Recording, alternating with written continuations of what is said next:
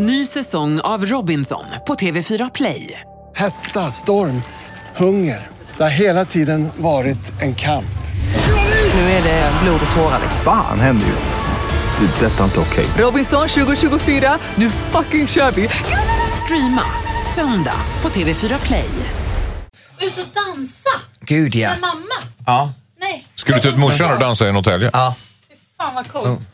Är du lika hård mot morsan också? Nej, Förlåt? nej. Är du lika hård mot mamma då? Ja, just det. Nej, mamma. Det där är inte rumba. Nej, tvärtom faktiskt. Okej, du uppmuntrar henne. När jag dansar med min mamma så kan hon vända sig till mig. Du, du är lite hård i händerna älskling. Ta det lite mjukare. Dilemma med Anders S. Nilsson på Mix Megapol. Vad sa du?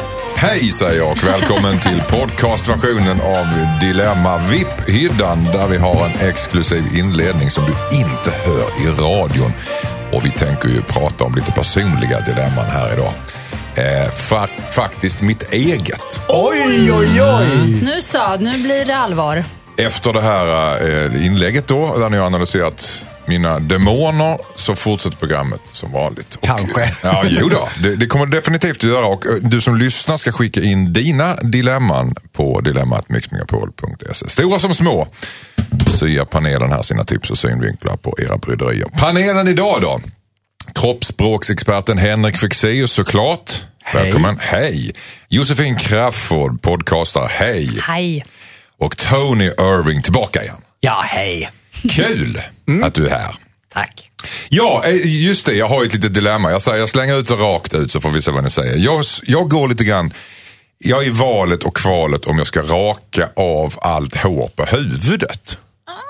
Eh, någonstans. Då kanske ni tänker det är på tiden. eh, jag, har, jag har inte tyckt att... Vissa säger att det varit på tiden kanske i 10-15 år för mig på något sätt. Men jag har ändå valt att inte göra det. Som en slags trotsgrej. Eh, och min idé... Jag såg på Ljust och fräscht och Henrik Schyffert hade en teori att om man rak, de killar som ofta är de 35-40 plus eh, rakar sig på skallen är för att de är rädda för att ha fel frisyr. För att de har så pass lite hår så de har inte så mycket valmöjligheter att göra något. Så då rakar de hellre av allting för att inte vara fel. Vilket är en ängslig handling tycker jag.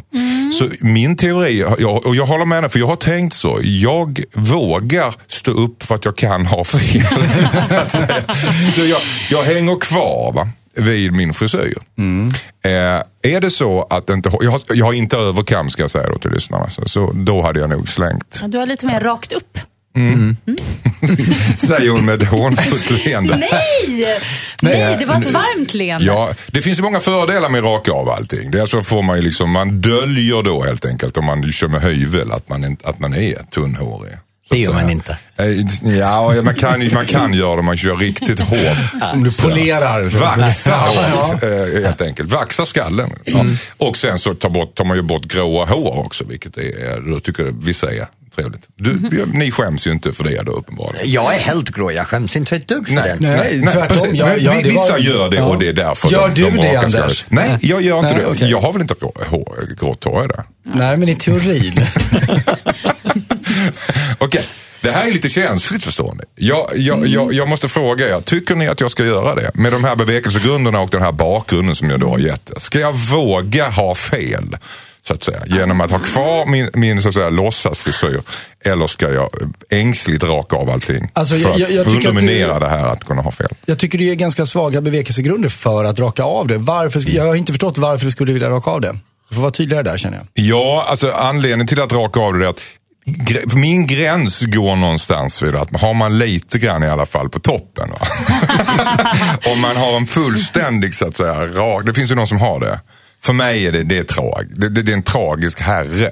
Tycker jag. Som har vad? Som, som har bara hår på sidorna, Jaha, alltså helt kal. okej, det är som den så- du är rädd efter den. halvmånen. Ja. Ja, precis. Det, där, vill- där vill jag inte hamna. Men jag har tillräckligt mycket för att kunna inbilla jag mig själv. Men jag kanske, lever jag i, lever jag i en falsk verklighet? Så, så Alltså, du, du- du är ängslig redan nu? Ja, men jag, nej, jag, jag måste ju bara ha ett dilemma. Vad säger du? Nej, jag tycker inte att du ska raka av dig. Nej. Inte om du inte känner att det är självklart. Jag har gjort det en gång ska jag tala om. Vad- Vad säger Jossan? Nej, jag, alltså det, jag har mycket att säga om det här. För Mm. det första är det roligt att att du så här, Schyffert sa någonting och då bara, okej. Då är det oh, sant. ah, Nej, nej, inte alls. Inte och alls. hur mycket flint har han om jag får in- fråga? inte alls så, utan han satte faktiskt en ganska smart analys på det som är lite mer filosofisk. Att han, han drog nämligen likhetstecken mot sin egen möblering hemma. Han är rädd för att möblera fel, så därför har han en väldigt minimal, minimalistisk. Okej. Ja. Du, jag fattar och det var Är du med, eh, säkert... Tony? Jag är med. nej, men det, var, det, det var smart sagt. Det jag vill säga är så här, nej. Embrace din hårväxt. Ehm, jag tycker att det är coolt med killar som har kvar håret trots att de börjar bli lite tunnhåriga. Jag tycker det finns någon pondus i det. Jag tycker det känns väldigt ängsligt med så här, oj nu blir jag lite flint, då måste jag raka av mig. Jag har en eh, polare och vän och eh, han är även artist och han är typ han är typ en av de absolut tuffaste människor jag vet. Och han är alltså yngre än mig, 30 plus. Han har helt flint, han har precis det, det där du sa, hår på sidorna. Han ser så stenhård ut. Han bara går upp på scenen och bara typ i någon konstig träningsbralla och bar överkropp och är så jävla snygg i det. Och tänk så här Jack Nicholson, tänk Phil Collins, tänk, alltså det finns så många som eh, liksom bara, whatever, så här är det. Och jag, jag gillar det, Till, faktiskt. till och med folk med överkam som har en lång hästsvans också. Ja, det kan man tycka så att det krävs rätt mycket stake för att, för att gå ut med det där. Och det, det säger någonting om den personen. Vad säger Tony Irving? grejen är för mig när du säger det här att du rakar av dig håret, jag får det här medelålders bög vill vara ung-känslan för alla bögar som är mellan 40 och 50, Mm. rakar, som Andreas Lundstedt. De rakar av sig håret för att försöka vara trendig och ung igen. Det har Mm. blivit någon status med det. Så, så för mig, jag kan inte säga det är en medelålders bög-status med det. Så säger jag det från en annan synvinkel och säger du ser mycket bättre ut med den hår du har.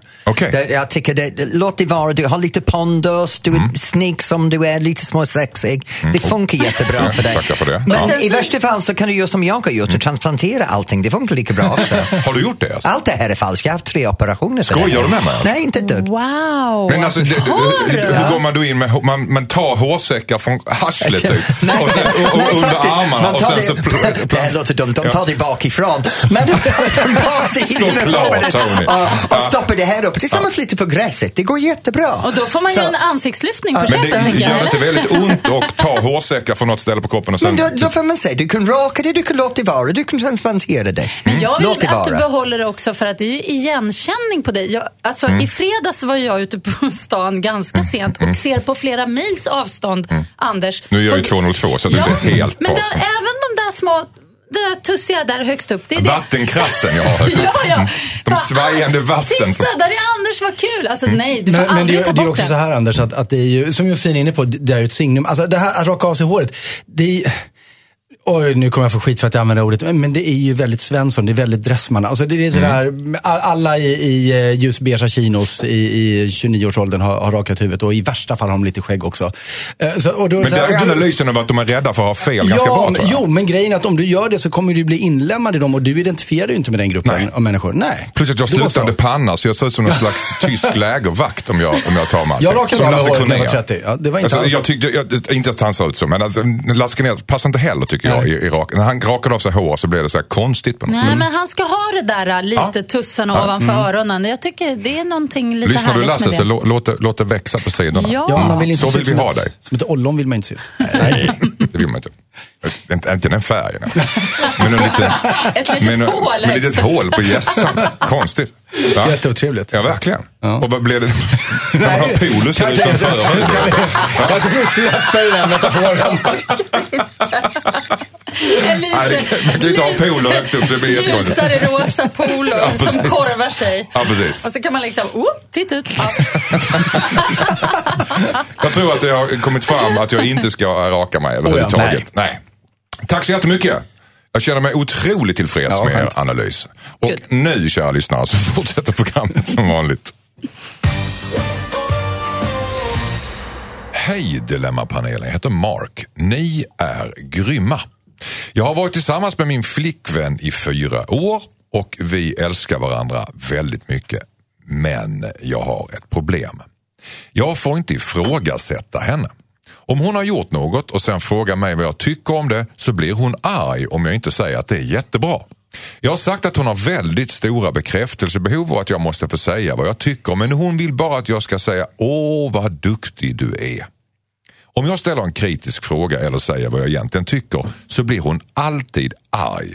Jag är absolut inte en perfektionist men om man kan förbättra något så vill man ju veta det.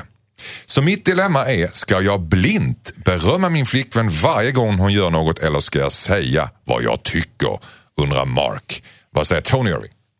Men du ska alltid säga vad du tycker. Det, det, det är en del av, av, av min filosofi, det, det gör jag med. Så du säger vad du tycker. Hon blir, hon blir arg. Han kanske undviker ett bråk genom att inte Men- säga vad han tycker. Ja, men då har vi två extrem här för mig. Vi har den här behov av att säga hela rakheten sanningen hela tiden. För det är lite problematiskt när man in, är en sån person. Sen har man den andra som har lite svårt att ta emot en, en uh, rakt sagd sak och är lite behov av bekräftelse. De två tillsammans är, är, är, ett bekymmer så de behöver ha en rejäl diskussion. Okej. En Rejäl diskussion counselor, för- terapi. Rensa luft. Vad säger Jossan? Ja, men jag har varit med om såna här relationer också och det är så jobbigt för jag älskar att prata, diskutera och argumentera utan att bråka. Men det är väldigt många som får för sig att bara för att man är ihop så ska man vara någon slags enhet och all, alla diskussioner handlar om att någon ungefär ska vinna och få den andra att tycka likadant. Det tycker inte jag. Så att eh, det här är ju jätteproblematiskt. Jag tycker, precis som Tony, det är klart du måste säga vad du tycker. Sen är det här en personlig tjej, eller vad säger jag, känslig tjej som uppenbarligen behöver lite gulligull också. Och jag tycker det han får försöka göra det är väl att liksom väva in gullandet. Väg, vä- väva in kritiken i lite socker helt enkelt. Ja, Så att man liksom lite... För att annars så kommer han krokna på henne och då kan han bli ihop med mig istället, tänker Oj. jag. Bli särbo. Ja, Och bli särbo Och bli med mig. särbo Ja. med, med Jossan. Ja, I'm Trevligt. Vad säger uh, Fexeus? Nej, men vår, vår brevskrivare han gör ett antagande. Han säger att om man, vill, om man kan förbättra någonting så vill man ju veta det. Mm, alla vill inte det. Eh, Och jag tror att det är så självklart för honom att det är så. Jag håller med, jag tycker personligen samma sak. Men jag tror att det, att det för honom är så självklart att det är så. Det gör att hans sätt att ge sin feedback eh, kanske inte är den mest eh, skonsamma för den som tycker att det är lite jobbigt. Utan vad han ska, jag tycker inte han ska backa det här, men vad han behöver göra är lite det som Josefin var inne på. Var inne extremt tydlig på att det här är min åsikt. Eh, Jag förstår att du har säkert tänkt på ett annat sätt kring det här. Så att han, han dels skiljer sak från gärning. Att nu pratar vi inte oss som personer, vi gör inga värderingar i det här. Vi, vi tittar på vad, vad, vad, vad, vad det här nu är, själva e- prylen. Liksom. Eh, Och sen också vara tydlig med att bara för att jag nu tycker det här betyder inte att jag har rätt. Eh, Så, så att han hjälper henne att skilja på det. Ja, just det. är det skillnad på ifrågasätta och kritisera? Ja. Mm. Vad är skillnaden? Det är ju jättestor skillnad. Att Berätta. Nej, men, eh, att kritisera, det är ju att, att klaga på någonting. Medan att ifrågasätta, det är ju mer en, en undran, en nyfikenhet. Det är positivt laddat. Jag skulle säga precis tvärtom. Ja, det är precis. En del uppfattar det precis tvärtom. Att, men är det inte det som, en, finns det inte personer som uppfattar kritik som att man fr- ifrågasätter Ja, hela men- deras existens? Ja, men det är för att man tror att kritik per definition är negativ. Det behöver absolut inte vara. Det är bara att den ofta får vi negativ kritik. Men det finns ju också, kritik betyder ju egentligen, det är därför man har börjat använda ordet feedback. Därför att ordet kritik har blivit så förstört. Men det egentligen handlar det bara om återkoppling. Men han känner väl att han vill känna sig fri i sin åsikt. Han vill kunna säga något utan att bli tredje Men han är, världskriget. vet du vad? han är lösningsorienterad vill jag säga också. Ja, det det handlar om det. Att, eh, jag, Pragmatisk, Om, om någon enkelt. säger till mig så ja men fan, ja, det är så jobbigt på jobbet för det här och ja, jag känner mig så dålig på grund av det här. I min hjärna blir det så här, aha, nu måste vi hitta en lösning. Mhm. Istället för att säga, åh stackars dig. Tony vrider sig. Ja, för jag, jag är en person som väldigt ofta säger vad jag tycker på en, en oskönt sätt. Det, det kommer ut bara som, utan att jag formulerar mig ordentligt. och, och jag har lärt mig med mig själv vissa gånger att det handlar inte så mycket om den som sitter framför mig. Det handlar väldigt mycket om att vad jag vill få ur mig. Mm. Och jag har varit tvungen att jobba med det väldigt hårt. Och det kan vara så att för honom, han är så upptagen med att få ut vad han vill förmedla att han tar inte hänsyn alls till hon som sitter på andra sidan. Nej. Så, så det kan vara med att Men det är tycker du att han ska linda är in det i problem. socker eller tycker du att han ska vara rak som du är? Nej, men jag, jag har lärt mig att vara rak som jag var. Jag försöker bli bättre på det för det är sk- skadesamt för din vänskapskrets. Du tappar dem väldigt fort. Är det? Ja, ja, precis. Men jag älskar ju den här rakheten, men det är precis som Tony säger att vissa klarar inte, vissa blir ledsna och känner sig attackerade. Mm. Så man måste ju vara lite försiktig ibland hur man uttrycker saker. Ska han säga vad han tycker rakt upp och ner? Ja, nej? Gå on, ja. Ja. Linda in i socker. Linda in i socker. Fexeus. Ja, men var smidig. Tack. Skicka in ditt dilemma till dilemma@mixmegapol.se. Nästa mejl eh, är från Josef. Han funderar på att göra något olagligt för att inte ställa till med ett familjebråk under julhelgen. Yes. Ja. Jag lite inne på din linje. Vem har inte lekt med tanken? Nej, men jag tycker att... Alltså, Lite olagligheter piggar upp så här jultid, eller? Faktiskt. Är. Nej, men jag, jag vet inte. Ibland så kan man ju känna sig lite lurad av samhället. Det är så mycket regler och grejer. Alltså, Man vill ha det där pirret i magen när man gör något olagligt, eller? Ja, alltså lite så här win. Förstår du? Winning. Så. Nej, jag förstår inte. Ja, Vi ska- alltså, vi ska Jag tar ställning när vi, när vi har hört brevet, okej? Okej, en stund. Hej Dilemmapanelen, jag heter Josef. Jag är 20 år och bor hemma. Jag gjorde en väldigt dum grej för ett tag sedan och körde bil alkoholpåverkad. Jag körde, åkte fast och fick mitt körkort indraget. I vinter så ska vi åka till vår stuga för att fira jul med hela släkten. Min familj kommer åka upp redan på onsdagen men jag måste jobba på torsdagen. De föreslog att jag skulle låna mammas bil och köra upp själv på torsdag kväll efter jobbet. Det skulle inte ha varit något problem om jag då inte haft, om jag haft ett giltigt körkort. Mina föräldrar är väldigt känsliga och laglydiga av sig. Min mamma kommer bli upprörd och knappt vilja prata med mig och det kommer förstöra hela julhelgen om jag säger att jag har blivit av med körkortet för rattfylla. Att berätta sanningen är inget alternativ. Men jag kan ju inte köra 50 mil utan körkort. Vad tycker ni att jag ska göra?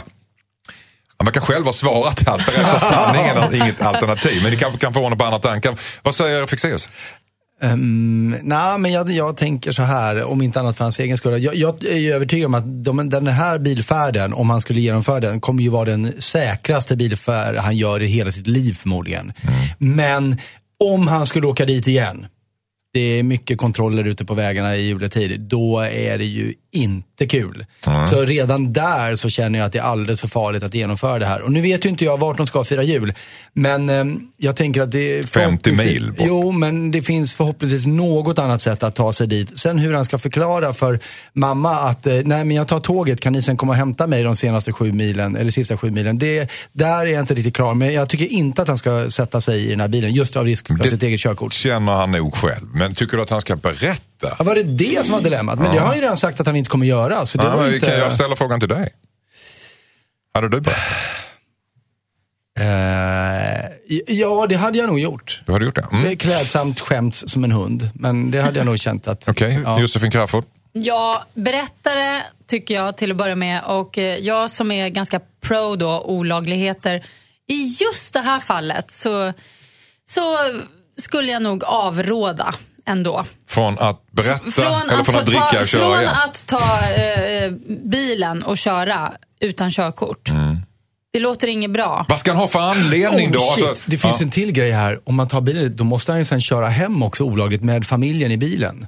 Måste köra hem alla också. Fast det kan han Men inte nu säga. går Då kan, han, då kan han ju ta Nej. lite punch och så att jag kan inte köra. Ja, så låter han någon så annan han pappa köra. köra. Ja, Tony. Irving, vad säger du? Ja, jag säger så här, det här börjar bli en mönster av att bryta lagen. För han har redan brutit lagen en gång genom att dö, äh, köra bilen när han är påverkad av alkohol. Så att våga ta bilen en annan gång utan körkort, det betyder att det är två gånger han bryter mot lagen. Sen finns det en annan grej, jag vet inte hur det är i Sverige egentligen, men jag tror inte bilens försäkring gäller om han väljer att köra utan körkort heller. Så det, det finns en annan sida också, råkar han ha en olycka i bilen så kan han skada det. Det bästa är, grow up här, sitta ner med din mamma, säg till din mamma, look, jag fuckade upp, jag har eh, tappat min licens för att jag körde med alkohol, kommer inte att hända igen. Så någon måste komma ner och hämta mig på torsdag. Ska han berätta detta alltså för sina föräldrar som är laglydiga och mamman kommer gå i taket, julen är förstörd. En gång är ingen gång.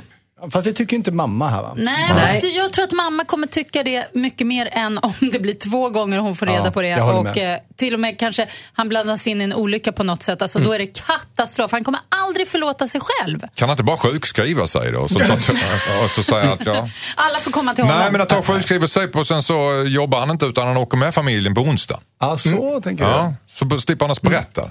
Det var en bra idé. Jag tycker inte han ska berätta Men- om du men- frågar mig. Men ja, Nej, men jag tänker så att, att det måste finnas en anledning till att han verkligen måste jobba den där torsdagen. Eh, som han inte kan komma ifrån. För annars så känns ju det som det bästa alternativet. ja men smakar det så kostar det. Så du har ju en, en, en eventuell ratt, rattfylla där berätta för mamma i andra Jo, i men, men jag tycker din idé är jättebra där Anders. Om det går att bli av med den där jobbtorsdagen och åka upp på, på onsdagen med familjen. Okej. Så först säger du att han ska berätta för mamma, sen hör du en idé som jag har bara out of the blue och då håller du med mig Fexeus. Ja, men det var, du introducerade någonting Va? som han sa att han egentligen inte kunde göra. Men om han nu kan göra det så är ju det en bättre lösning. Okej. Du får eh, sista ordet där Vad ska jag säga? Nej, jag tycker bara erkänn och det kommer, det, mamma kommer över det ganska snabbt tror jag. Mm. Jag tror det. Mamma är Eh. nog mer storsynt än du tror, tycker både Tony och Jossan. Hade han inte haft körkort från början överhuvudtaget, då hade jag sagt kör. Men då, om man... Va? Va? Ja, Den här utsvängen kändes härlig. nej, men, vad jag, nej, men vad jag menar är att om han kunde köra bil. Då är han redan en outcast Nej, men liksom, då, då är det ändå lite så här... Det är bara ett halvår till på Kumla. Som, ja. Fast all, allt det här med som Tony pratar med försäkring och sådär, allt det där är ju fortfarande giltigt. Mm. Jo, men om man inte hade åkt fast menar jag. Som jag sa, en gång är ingen gång. Jag tror inte vi ska syna Jossan här. Nej. För att det, det finns täckning bakom det här. Prata med morsan. Prata med morsan. Hon kanske är storsint. Det är jul. Och programmet heter Dilemma och Karl har skrivit hit. Hejsan Dilemmapanelen. Vi är tre vänner som umgås väldigt mycket. Två killar och en tjej. Vi går i samma klass på universitetet och gör mycket skolarbete tillsammans. För några veckor sedan så visade det sig att jag och tjejen i trion gillar varandra lite mer än vänskapligt. Vi har haft sex och har träffats några gånger i smyg. Hon är väldigt noga med att vi inte ska säga något till vår gemensamma kompis. Hon har en helt obekräftad teori om att han är lite intresserad av henne också. Men jag har aldrig sett några bevis för det. Hon vill i alla fall att vi inte ska säga något till vår kompis så här tidigt. Men just nu så vill jag ju träffa henne utan att vår tredje kompis är med. Då måste vi ljuga och hitta på saker så att han inte förstår att vi ses i smyg. Dessutom så kommer han bli sårad av att vi undviker honom. Borde jag berätta för vår kompis om oss eftersom jag är obekväm med att smyga? Undrar Karl. Tony, vad säger du? Ja, du ska säga någonting till honom direkt för antagligen så ligger hon med honom också och säger samma sak till honom. Du tror det? Jag är ganska säker på det. Vad, by- vad bygger du det på? Ehm, för det är någonting som jag hade gjort när jag var ung. Ehm, nej, men personlig erfarenhet vet du det med. Ehm, nej, men det, det Du har legat både med honom och henne. Ja, ja, faktiskt, det hade jag gjort i den åldern. Men nej, men det, det låter som när man har tre personer och en säger hela tiden berättar inte för den andra, berättar inte för den andra. Den personen som säger berättar inte har kontroll över den situationen genom att försöka hålla de andra två eh, separat. Okej. Vad säger en hostande Jossan? Ja, alltså eh, det kan vara så som Tony säger i värsta fall, men det kan också vara så att den här tjejen är lite så här, hon gillar den här uppmärksamheten som hon får även från den andra killen. Att det kan vara det det handlar om. Att, och att hon är orolig för att det kanske ska bli något jiddrigt mellan de två om det kommer fram. Jag har också lite varit i den här situationen en gång för väldigt länge Kan jag sedan. faktiskt tänka mig. Inte varför. Och, eh, och det blir väldigt eh, speciellt. Och då var det liksom lite uttalat att jag och en av dem var lite eh, så öppet med varann. Men den andra var det lite mer hemligt med. Okej. Och jag minns så tydligt ett tillfälle när vi sitter på en restaurang eller en bar eller vad det var. Vid ett bord. Och så sitter jag och håller den ena eh, killen i handen. Ovanför bordet och den andra killen handen under bordet. Och ingen av dem vet om det. Alltså det var så sjukt. Ja, det var så sjukt. Det var så sjukt. För de var ju kompisar också. Ja, men det var, ja, vi var kompisar alla tre. Okej. Well, well. Men Eh, du, du, du minns det som en trevlig tid. alltså det var trevligt men det var lite rörigt och stökigt. Det blev rörigt i mitt huvud. Vad hände sen då? Jag tror att allt handlade om att jag gillade att bli så sedd. Egentligen var jag inte intresserad av någon av dem. Faktiskt. Jag var ju kär i en tredje som var helt ointresserad Okej. av mig. Du fick liksom aldrig That's my life man. Det är alltid likadant. Så, ja. Okej. När du har fått vad du vill ha så vill du ha någonting annat? Nej, jag får inte vad jag vill ha. Jag, Okej. jag, Och det finns kanske inte. Vad säger Fexeus? Nej, men om den här tjejen är inne på den här makttrippen som Josefin var inne på. Ja. Då, och det är väldigt enkelt att upptäcka. Det, det, det är ju bara så här, du, eh, så här, då får hon ju växa upp. Du bara släpper henne och låter henne växa upp först. Där, därför att eh, och hon, om de nu dejtar, då måste hon kunna liksom vara ärlig och stolt i det. Ja. Eh, om det är så som, som Tony tänker då, som jag faktiskt också var inne på, att hon ligger med honom också. Ja, men gör det enklare för er att bjuda in honom då. Så behöver man inte hymla så mycket. Oj, du menar alltså bjuda in med jakten? Så att det blir en... en Ja, liten- lite till allt. Ni kan Ja. väl vara alla tre då, då? Hon verkar ju tycka att det är okej uppenbarligen. Nu rynkar Jossan på på pannan. Jag tror du skulle jubla. Nej, men jag, jag ser ju fortfarande mig och de där två killarna. alltså, det blev så konstigt där. Jag Ja, tänkte, okej. Annars om, eh, om det liksom... Om det inte var just de två. Nej, då, ju då, då inte. kanske det kan vara lite frisläppt och lössläppt. Men jag tror att det är komplicerat när man är vänner. Så. Då, nej, de ska inte hamna i säng alla tre. Nej. Men, men ska den här killen låta henne liksom Nej, nej, styra nej, det här nej, spelet? nej, utan ska nej, hon, nej. ska han, han ska helt enkelt kräva att... Ja, det nej, det tycker inte jag. Hon måste ju få bestämma. Jaha, det tycker säga, Nej. Ni säger ingenting till Pelle. Jag tycker- alltså, men det är. Tony. Varför är det att hon ska beställa vem ska, de ska berätta för? Han kan välja själv vem han berättar för. Han är också vän med den här killen, så i respekt för hans vän så ska han välja att berätta, jag är ihop med henne. Punkt slut. Punkt slut. Det är Tydligt och klart från Tony. va? Men lugn, de är ju inte ihop alltså. Nej, men de håller Nej. på. Ja, Kanske så coola ner i lite grann va? Coola Okej, ner lite grann, med håll inte på. Eh, Fick se oss sista ordet. Ja, men vi, visa öppet och tydligt att ni dejtar för dem runt omkring er. Då är du på Tonys linje helt enkelt. Ja, men, men, men man behöver inte sätta sig ner och säga nu är det så här förstår du. Utan, utan det, bara, det låter synas. Okej, tack. Hejsan Dilemmapanelen, jag heter Vanessa. Först måste jag bara säga att ni är fantastiska. Åh, tack. Härligt. Jag och sambon har känt varandra sedan vi var tonåringar och vi har varit ett par länge. Idag är vi båda i 45-årsåldern. Min sambo har alltid tagit hand om sin kropp. Han tränar regelbundet, har tvättbräda och ser oförskämt bra ut. Min finaste älskling önskar sig i julklapp att vi ska ta foton av oss poserandes i en studio. Men han vill att vi ska fotas nakna. Vi ska dölja intima delar med händerna men ändå visa upp våra kroppar. Det hade kunnat bli fina bilder men inte när man känner sig som en blandning av flodhäst och heffaklump. Så resultatet kommer att bli som att Babben fotas naken med Brad Pitt. Vet inte jag vem, vem man skrattar åt. Han, han kommer dessutom säkert vilja förstöra upp fotot och hänga upp det ovanför sängen. Herregud. Det jobbiga är att jag har fått cancer och har tyvärr max fyra år kvar på jorden. Så jag förstår att han vill fota oss och ha som ett minne. Jag får inte träna för läkaren så jag har ingen chans att bli av med extra kilorna. Vad tycker ni att jag ska göra? undrar Vanessa. Vad säger Fexeus? Ja, alltså. Eh, jag, jag tycker så här, tycker jag. Jag tycker att de ska göra det, men inte att den här bilden ska hängas upp. För jag har väninnor som har gått igenom ungefär samma grej. Att de har inte varit så här tillfreds med sin kropp och hamnat i, eh, hamnat i, men och, och övertalas kanske av, av någon smart människa att göra en nakenfotograf och en väldigt duktig fotograf. Eh, och, och de har berättat om det här som verkligen någonting som har stärkt dem i deras självbild. Att de vågade göra det här och blev väldigt stolta över resultatet. Att det var ett stort steg för dem eh, och, och att, att de trivdes med att göra det som de inte trodde själva. De hade precis den inställningen som Vanessa hade. Men här är den viktiga skillnaden. De här bilderna som de tog, de finns ju bara i deras ägo. De finns ju inte upptryckta eller publicerade eller sitter på väggen någonstans. Utan ingen vet jag att de har gjort det här, förutom dem. Så jag tycker att Vanessa kan göra det här med sin partner. Men de här bilderna ska absolut inte offentliggöras eller hängas på väggen. Utan gör det om det är någonting som kan kitta ihop er. Jag tror, jag tror att hon kan eh, faktiskt må bättre än hon tror av det. Men visa inte de här bilderna om hon Du inte tycker det vill. är ett vackert initiativ av Vanessas man? Nej, nej, jag, tr- nej, jag tror tyvärr inte att det är så. Jag tror att Vanessas man tycker nog bara att det är lite härligt att visa sina muskler om jag ska vara helt ärlig. Men jag tror att, det, att hon kan eh, vinna mer på det här än vad hon faktiskt eh, tror själv. Okay. Josefin Crafoord, Ja. Eh, jag känner så här, det viktiga om de ska göra det här eh, är att de hittar en grym fotograf.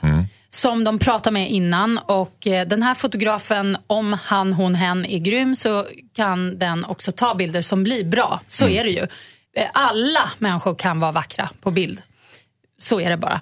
Och, eh, hon känner sig inte vacker, hon men- känner sig ful nej, och tjock. Fast hon kommer känna sig vacker om de börjar plåta. Hon får kanske titta i, ja nu kan man ju faktiskt se bilden direkt liksom lite till kameran. Man kan koppla till datorn och så kan hon se bilden där medan de plåtar. Och att de, så att hon känner ett förtroende för fotografen.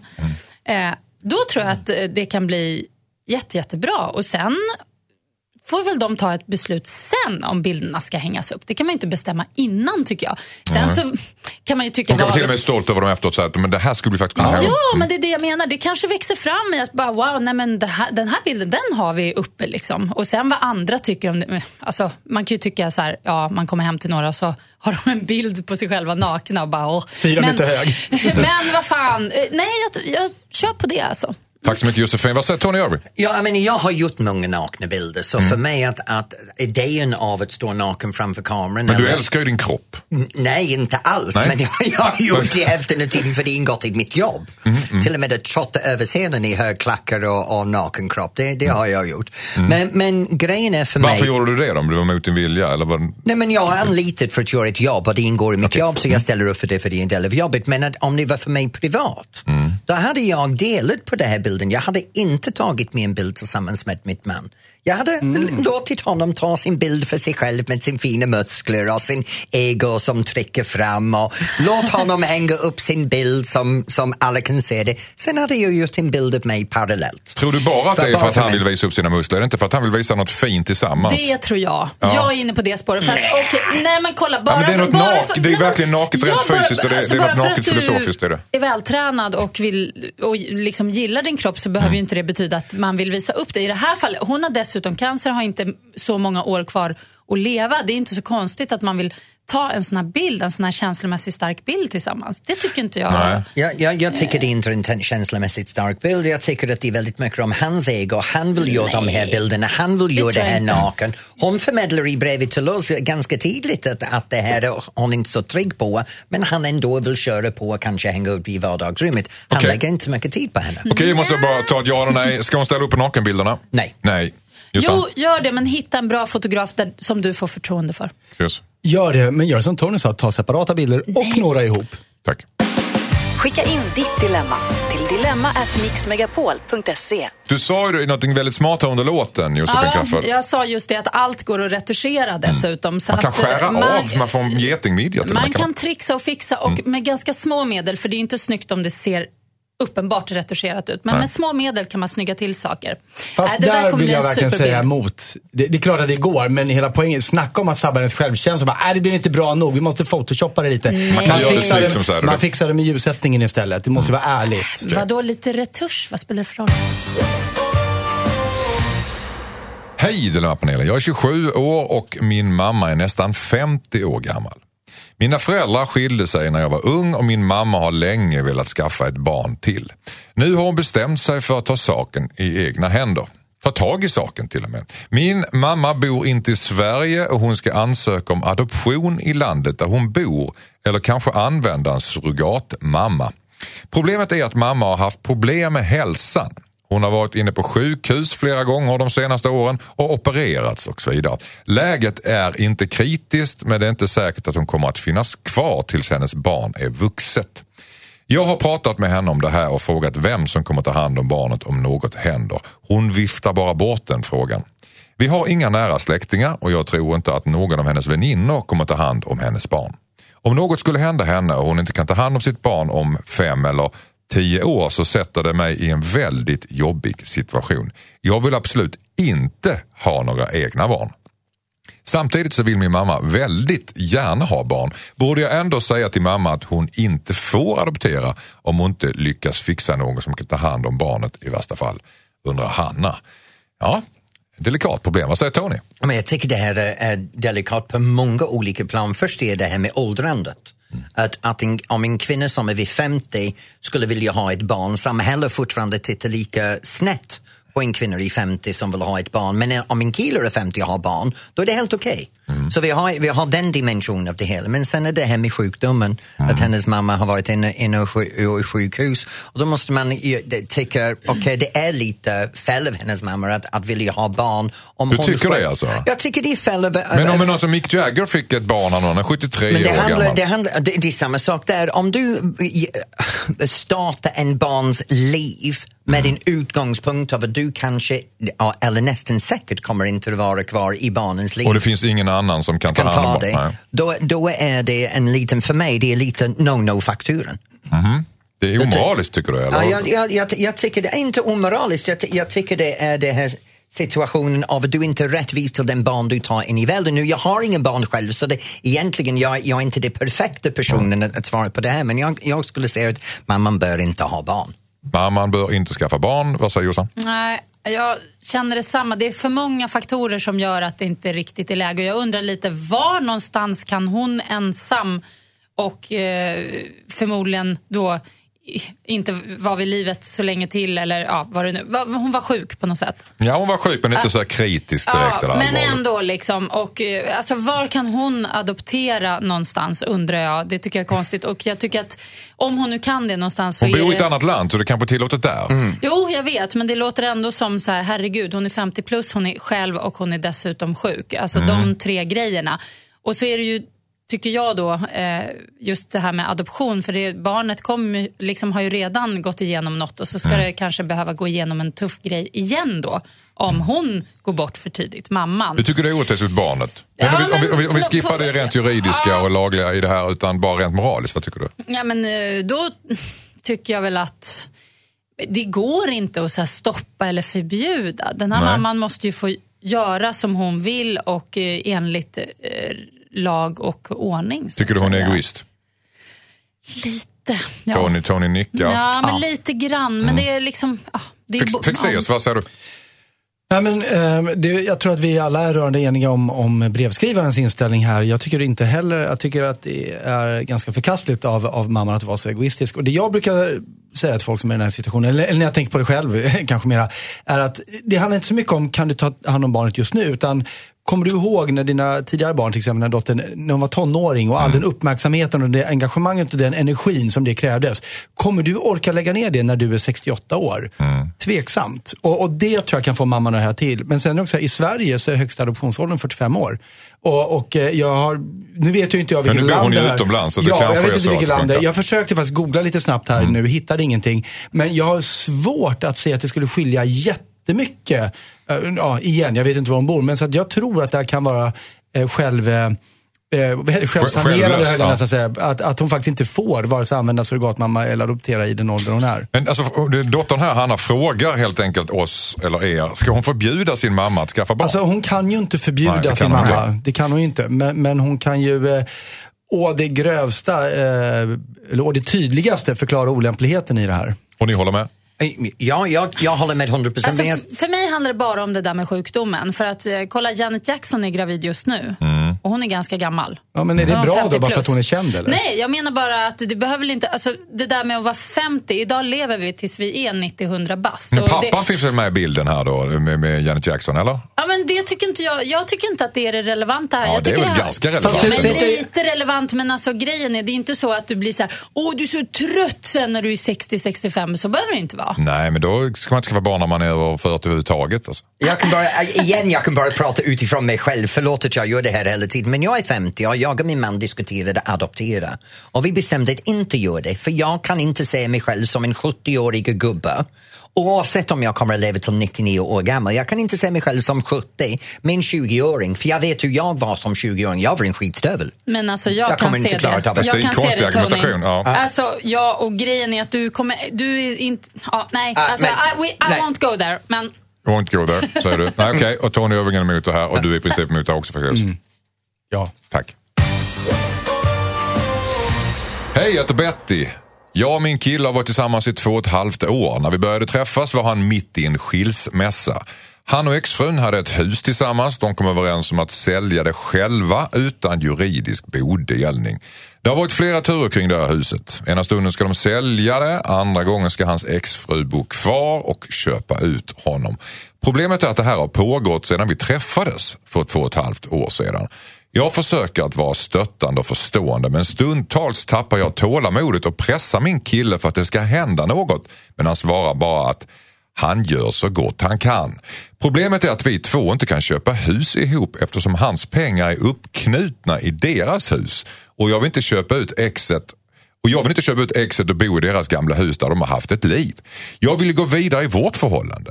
Hans ex bor i huset tillsammans med deras barn så jag förstår att han inte vill tvinga dem ut ur huset. Men jag har väntat i över två år nu på att ta nästa steg och skaffa hus med honom. Så jag undrar hur länge ska jag behöva vänta? Undrar Betty. Tony, vad säger du? Jag tycker du kan sitta där och vänta. Han tar hand om sin barn, han tar hand om sin fru, han låter dem ha kontinuitet i sitt liv och han tar sitt ansvar gentemot mot sitt barn. Låt dem leva kvar. Vill du ha någon annans välanvänd gods så får du ta konsekvenserna av hans bagage som följer med honom. Det sa jag. Mm. Men ska, han, han säger ju att det, det, det kommer att ske, det kommer att ske. Ja, någon gång när barnen är fullvuxna och Men- flyttar hemifrån och betalar sin egna räkning. Men det känns ju inte som att han använder det som argument. Att han, det känns som att man bara förhalar hela tiden. Ja. Eller- Nej, men jag, Nej. jag, jag, tycker, jag tycker för mig det här är en ganska själv- självklarhet. Hon ska vänta ut honom helt enkelt. Vad säger Jossan? Jag tycker också man kan ta det lite lugnt i det här läget. Och den där, den där drömmen om hus. Hmm, jag är skeptisk. Det, det är en Luktar besatthet- skilsmässa lång väg Ja, nej, men jag, jag vet inte hur de bor just nu och sådär. Men, men just den där hus, så här, ja, men då måste vi ha ett hus för det hade ni. Nej, Mm. så behöver det faktiskt inte vara. Ha, hade de, har hon barn också? Missade Nej. jag något där? Nej, Nej. nej. nej, men då, äh, chill. Det står inte, inte så i alla fall. Nej, men ta det lite lugnt. Som sagt, det kommer ske i framtiden. Var, var nöjd och glad och kär så länge. Nöjd och glad och kär så länge och vänta ut. Då har vi en sammanlagda åsikter Mm. från Tony och Jossan. Vad säger Henrik Ja, men det finns en mängd komplikationer. Det är det att vi vet ju inte om de ens bor ihop idag. Det är kanske är så att de inte kan bo ihop förrän de har köpt det här huset. För Det vi är vet ju inte var de befinner sig. De kan vara någonstans där det inte ens finns tillgängliga lägenheter. Mm. Så att de kanske har väntat i två år på honom att de ska flytta ihop. Bara, ja, jag ska bara sälja huset först och då blir det inte bra. Men egentligen håller jag med både Tony och Josefin här, även om det irriterar mig att göra det. Men, men, gör inte det, men komplikationen här är ju egentligen inte hans beteende utan det är de dubbla signaler han sänder till henne. Att han säger liksom att jag, jag ska sälja det här, jag ska. Så att jag tycker att hon behöver sätta sig med honom. Så här, du, vi måste liksom reda ut det här. Jag förstår om du behöver ta hand om din familj eller om du vill att det, det, dina barn ska liksom bo bra. Men då måste du säga det. Så att jag inte går omkring i falska förhoppningar och väntar på att vi ska flytta ihop. Det luktar lite grann jag ska lämna min fru. Ja, men, men lite den grejen. Så, så att, eh, så att eh, få honom att tala ur skägget och säger han nej, nej, men jag tycker, jag kom, vi ska sälja det nu. Bra, då sätter vi en deadline när det ska vara sålt. Så är det du vill säga till Betty helt enkelt att fråga honom om det handlar om att barnen ska bli vuxna? Är det det du? Ja, liksom, frå, be honom vara ärlig i hur han tänker i det här. Ska vi sälja det inte? Håller du med om det Tony eller? Nej, jag fortfarande säger att hon ska bara hålla tyst och låt honom vänta tills barnen är fullvuxna. Du ska inte ställa några frågor. Jag ska bara, Nej, face the music, nu är det så här. Betty. Jag tycker Ja. mer ställ ett krav. Eh, Alltså, en tidsgräns tycker jag. Mm. Tidsgränser funkar för alla problem. Sätt upp en tidsgräns att inom punkt, punkt, punkt, Mm. år Men det så finns ska en det säljas. tidsgräns. När barnen blir självständiga. Fast det har inte det- sagt det- heller. Det har inte ja. sagt heller. Det kan ju vara så att han förhalar det. Att han är liksom... Ja, men det, Han jag menar, inte vill. År, Ja. år och, och månader och timmar och minuter och allt det där, det är ju faktiskt eh, faktum. Så därför tycker jag, för, säger man, när barnen är mogna, alltså vem Betty, kan- vet? Betty alltså, där- misstänker nog att han trivs bättre här, när det är särbo. Ah, det kan vara den. Och det, det är inte att förakta. Särbo, det är min dröm. Ja, fast nu gör ju hon det. Så hon ska inte ge ultimatum. Vänta, säger Tony. Här var min dröm. Tidsgräns. Säger Jossan. Ja, eh, tidsgräns och eh, be honom lägga korten på bordet. Tack. Skicka in ditt dilemma. Dilemma at mixmegapol.se. Vi pratar om vilket som är bäst, särbo eller sambo. Eh, särbo eller sambo?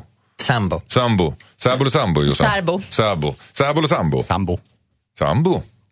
Det Varför- säger, varför det blir Nej, du så nej, nej. Jag, vet, förvånad? jag, jag, jag tänkte Alltså- att du tyckte du just och argumentera för särbo här innan. Nej, att du, absolut nej, inte. nej, nej, nej, okej. Oj, det blir känsligt där. men det, är- det, är- Vad ska min sambo säga nu?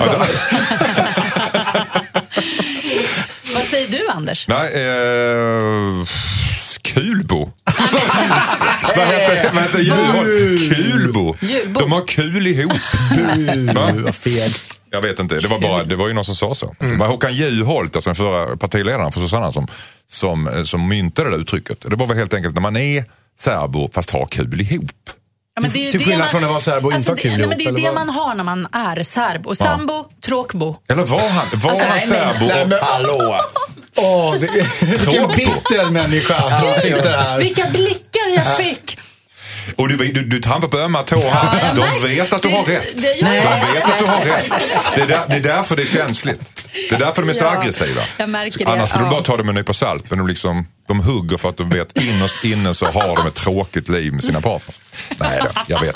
Det är en liten avundsjuka som talar här tror jag. Kanske drog för långa växlar. Hörrni, Gustav eh, är nästa brevskrivare. Han är rädd att bo med sin rumskompis, på tal om sambo. Men har inte råd att flytta. Och han är rädd. Vi ska läsa hela hans brev om en stund. Hej Dilemmapanelen, jag heter Gustav. Jag flyttade till Stockholm tillsammans med en kompis för ett tag sedan. Min kompis hade en släkting med en tom lägenhet som vi kunde hyra till ett bra pris. Vilket var superskönt eftersom det är svårt att hitta. Men min kompis kan inte få in i sin skalla att han måste låsa dörren efter sig när han lämnar lägenheten. Där vi växte upp så är det vanligt att folk inte låser efter sig. Men han får inte in det i sina rutiner och det verkar vara omöjligt att lära honom. Jag har prövat att sätta upp en lapp vid dörren och det funkar i några dagar men jag kommer fortfarande hem till en öppen dörr om man lämnar lägenheten sist. Vilket han oftast gör eftersom han börjar jobba senare än jag. Jag känner mig inte trygg helt enkelt. Jag går runt och oroar mig för varje dag för att jag ska komma hem och lägenheten ska vara rensad.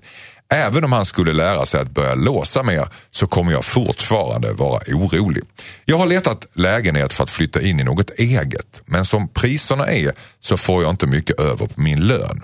Borde jag bo kvar hos min kompis och leva i konstant oro eller ska jag flytta och lägga nästan hela min lön på hyra? Undrar livrädd Gustav. Vad säger eh, eh, Jossan? Ja, jag säger det finns en jätteenkel eh, lösning faktiskt på det här. Eh, och det är att de byter lås. Det får han stå för. Men det finns ju såna här självlåsande så att dörren låser sig när man slår igen den. Så får polaren helt enkelt lära sig att ha nyckeln med sig istället. Vem ska bekosta det här, den nya dörren då? Ja, men det kan faktiskt han göra tycker jag som är orolig. Jag tycker att det finss något lite skönt med att bara skita i att låsa dörren såklart. Jag låser inte min dörr heller. men vet du, det gör inte jag heller. Jag bor mitt i Stockholm. Alltså de ska, jag, jag bor högst upp. Alltså om, om tjuvarna kommer in, vad ska de göra då? Vi tar högst upp, det gör vi. Och hissen funkar inte heller. Och så, så liksom ska de först genom portkoden, så ska de länsa med lägenhet och sen så funkar inte hissen, så ska de ta trapporna och kanske träffa mina grannar på vägen ner. Jag tror att tjuvarna orkar inte med det helt enkelt. Ja, men Och sen brukar jag musik på hemma för att man ska tro att jag är hemma. Så nu Smart. åker, ja, på repeat. Mm. Michael Bolton och något sånt riktigt illa. Och sen, eh, vad, vad säger Fexeus? Nej, men jag, jag, jag tror att vi alla tre har precis samma tanke. Och de här låsen går att köpa i alla liksom, butiker som säljer järnvaror. Man behöver inte gå till en låsbutik utan de finns överallt. Eh, och man behöver inte, som du sa Anders, det är inte en hel dörr dit. För lås har ju idag, det är standardfästen på lås. Att man köper bara själva låsbiten. Eh, och pillar ut det gamla och sätter i nya. Alltså det är så? Ja, oh ja, det har jag gjort själv nämligen. Jag hade dock tvärtom. Jag hade ett så här självlåsande lås och eh, glömde ta med. Det gick igen bakom hela tiden. Och efter att låsmedlen hade borrat upp det där fyra gånger så satte jag i ett sånt där man måste låsa med nyckel istället. För att, Eh, Så man kan göra åt båda håll helt enkelt. Men, men absolut, byt lås. Bekostar det. Det, det kostar under tusen kronor och det är, ja visst det är några hundralappar men det kommer vara väl värt eh, den nattsömnen tror jag. Men med hans rutiner så känns det som att han kommer ju att glömma det där och sen så går dörren igen och sen shit. Det kommer bli dyrt för. Kommer bli- Precis. Ja, men det, det är inte brevskrivarens problem. Nej, det är inte brevskrivarens problem. Tony, Jag säger tycker det är helt fantastiskt att ha en kompis som bor i en storstad som är inte rädd. Tänk dig en person som verkligen kliver upp i Stockholm är inte rädd för det som kommer att hända. Att bo tillsammans med en sån person måste, kan vara så befriande. Verkligen. Men kanske den som är så naiv och, och, och fri av fear blir av med hans kompis som egentligen tänker flytta ändå. Om du förstår vad. Det kan inte vara roligt att bo med någon som är så rädd som honom. Att bli irriterad när dörren är olåst som, är- som är helt panikslagen. Förlåt att jag vänder nej, på men det. Jag tror, jag tror att det är precis som du säger också, om man är som jag då som är uppvuxen här i stan, innerstan, alltså då, då kanske man inte alltid har varit så noga med att låsa dörren. Jag vet inte, på 70 och 80-talet, var det mindre tjuvar då? Jag vet inte, men det, det Är inte tjuvarna ute i förorterna i, på, i villorna och sådär? Det är Ja, men det är lätt att ta sig in. Det är postkod, det är folk, alltså det ska bökas. Fast Alltså, det, tar, det så är för stor risk. Va? Lägenhetsinbrotten ökar otroligt mycket och de ökar i olåsta lägenheter bland folk som är hemma. Det, så är det, det är det man pratar om nu. Det är den nya typen av Och inbrott. sen gör de en ful grej, det är att de bara går in i hallen och bara tar Ja. plånböcker och jackfickor och sånt och drar. Mm, Så Jag att åker ut för det på badminton, spelar badminton och är inte hemma. Kan inte den här Gustav försöka lära, lära sin partner eller sin rumskompis en läxa genom att själv länsa lägenheten? Se. Så här går, så här går det när man inte låser. Han tycker hem tidigare från jobbet och sen så snor han stereon och lägger Ja, dem på i jättejobbigt. Sen säljer han den billigt. Ja. Då flyttar hans kompis tillbaka till staden de kom ifrån och så har, Ja. kan de inte bo själva. Det Total ordet. skadad över en skämt. Ja. Nej, jag tycker så här. Jag tycker du ska, han ska byta låsen, betala det själv och sen nöja sig med att bo med en sån härlig person som har inte så stor rädsla. Vackert sagt. Tack så mycket. Hej Dilemmapanelen, jag heter Oleg. Jag har en anställd på jobbet som är en extrem paragrafryttare. Vilket egentligen är bra eftersom han är noggrann. Grann, grann. Men han sinkar hela företaget. Han har alltid invändningar med allt som sägs och görs på jobbet. Man får skriva på avtal om sekretess när man ska ha möte med honom och när vi skulle åka buss på kickoffen så bad han om att få se hur försäkringsavtalet såg ut. Sen skulle han kolla med försäkringsbolaget att bussfirman hade betalat premien. Allting tar sin tid. Vi skulle behöva anställa en jurist för att ta tid att kolla upp alla frågor som han har. Men vi är ett litet företag och har inte råd med en jurist.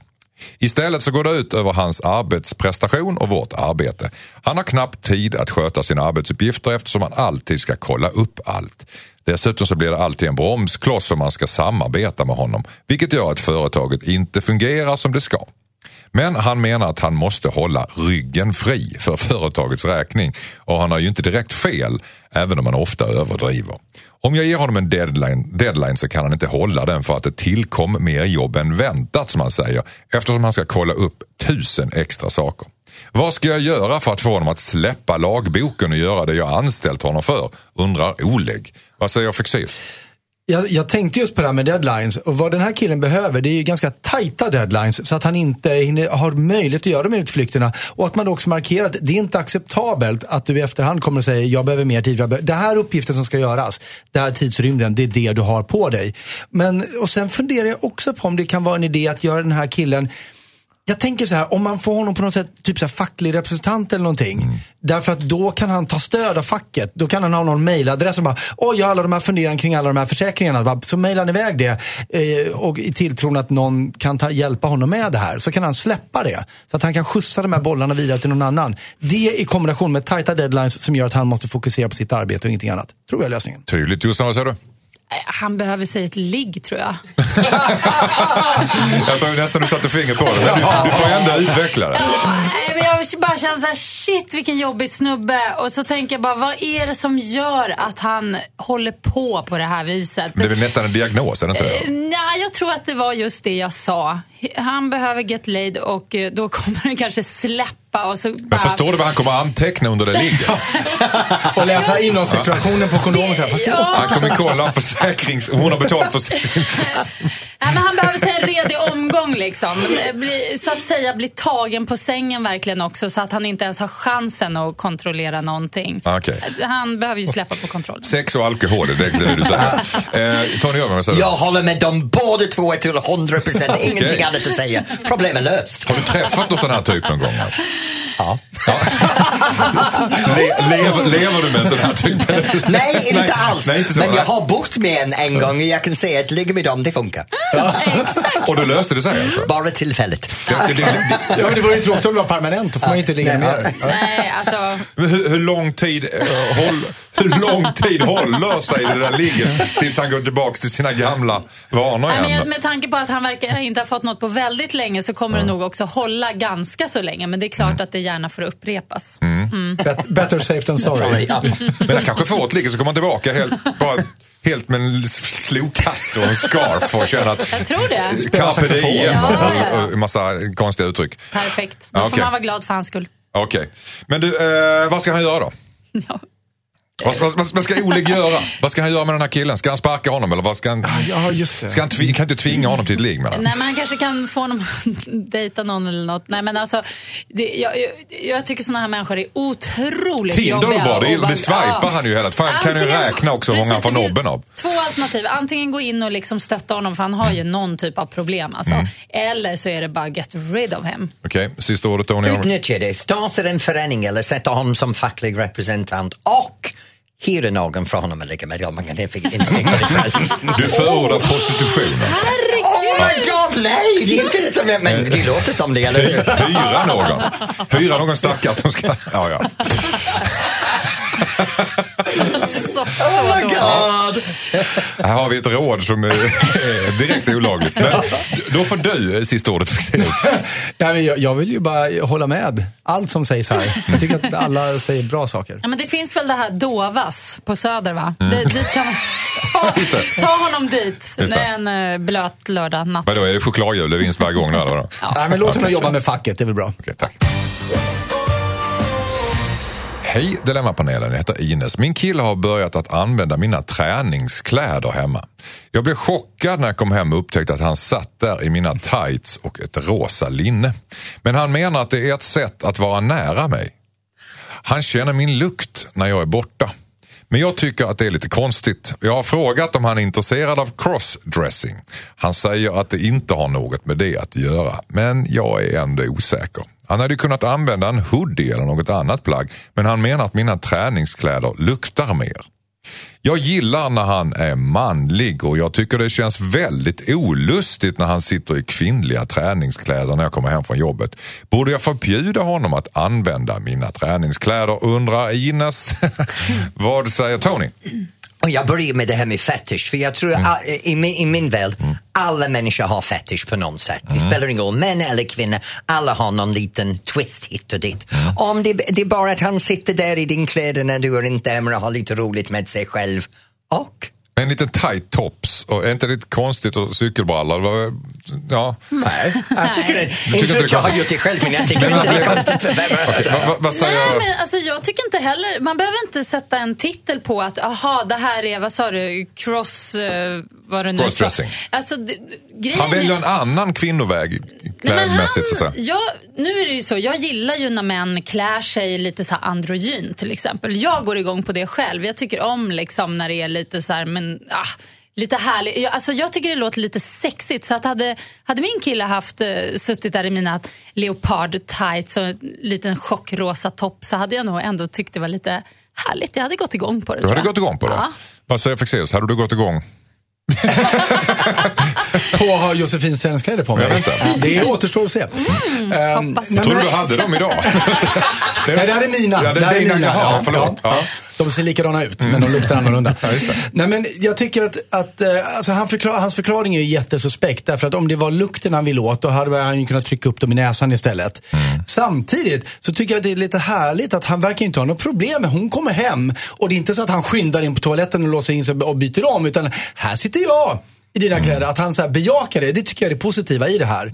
Men han behöver ju krypa till korset om vad det här egentligen handlar om. För den här luktgrejen håller ju inte. Och då får de väl se vad de kan göra av det. Men det bästa är väl kanske, om hon nu inte vill se honom i det, han gärna vill ha det på sig. Eh, då, då får hon väl säga, men du jag vill inte se det där. Och så fattar han att det här gör jag när hon inte är hemma då.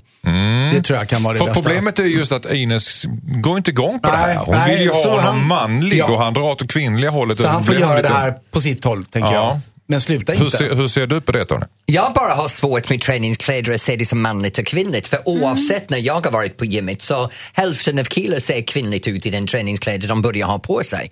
För en serie medelålders gubbar i tight spandex är inte helst manligt. Nej, men det är väl en sport-bh här, tänker jag ja. kanske. Något här, som är, Ja, det är just bhn tror jag som är någon Nej, slags men, men, tydlig signal. för, mig, för mig så tycker jag inte att det är, det är en onormal grej för jag känner väldigt, väldigt många som gör såna grejer.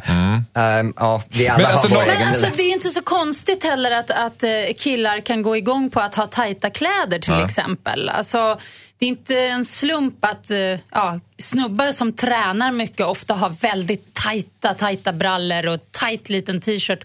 Det handlar ju om att man liksom... Framhäver man, ja, eh, Att det är något skönt i det sådär. Och, Men ehm, problemet är ju, ni, ni, ni går lite runt problemet, problemet är ju att Inis går inte igång på det här. Nej, och det så är det här är en jag- konflikt hos henne. Ja, så därför tycker jag, jag har två förslag. Det ena är att hon ska prova, ge det ett försök att komma hem en gång och göra en så här porrig grej av det. Testa, försök gå emot din instinkt där lite grann och se om det kan hända någonting i det. Och funkar inte det, då bara låt honom ha kläderna och sen eh, liksom kommer han väl byta om och så kan Så Så hon ska Alltså- kolla egentligen vad det, vad det är som ligger bakom detta och Nej, fast jag- låtsas jag gå tror- igång på något sätt och se hur långt Ja, men i kvinnor, så- kvinnoträsket han vill gå till. Eller träsket. Nej, men alltså, det är ju inte kvinnoträsk att man vill ha tajta kläder eller hennes kläder på Fast sig. hon uppfattar det ju så, Ines. Men, men det är också Ah. det här, det här är en del av honom. Det är någonting i honom som gör att han vill leva ut det Mm. här. Och han gör det när hon är inte hemma och han sitter kvar när hon är hemma.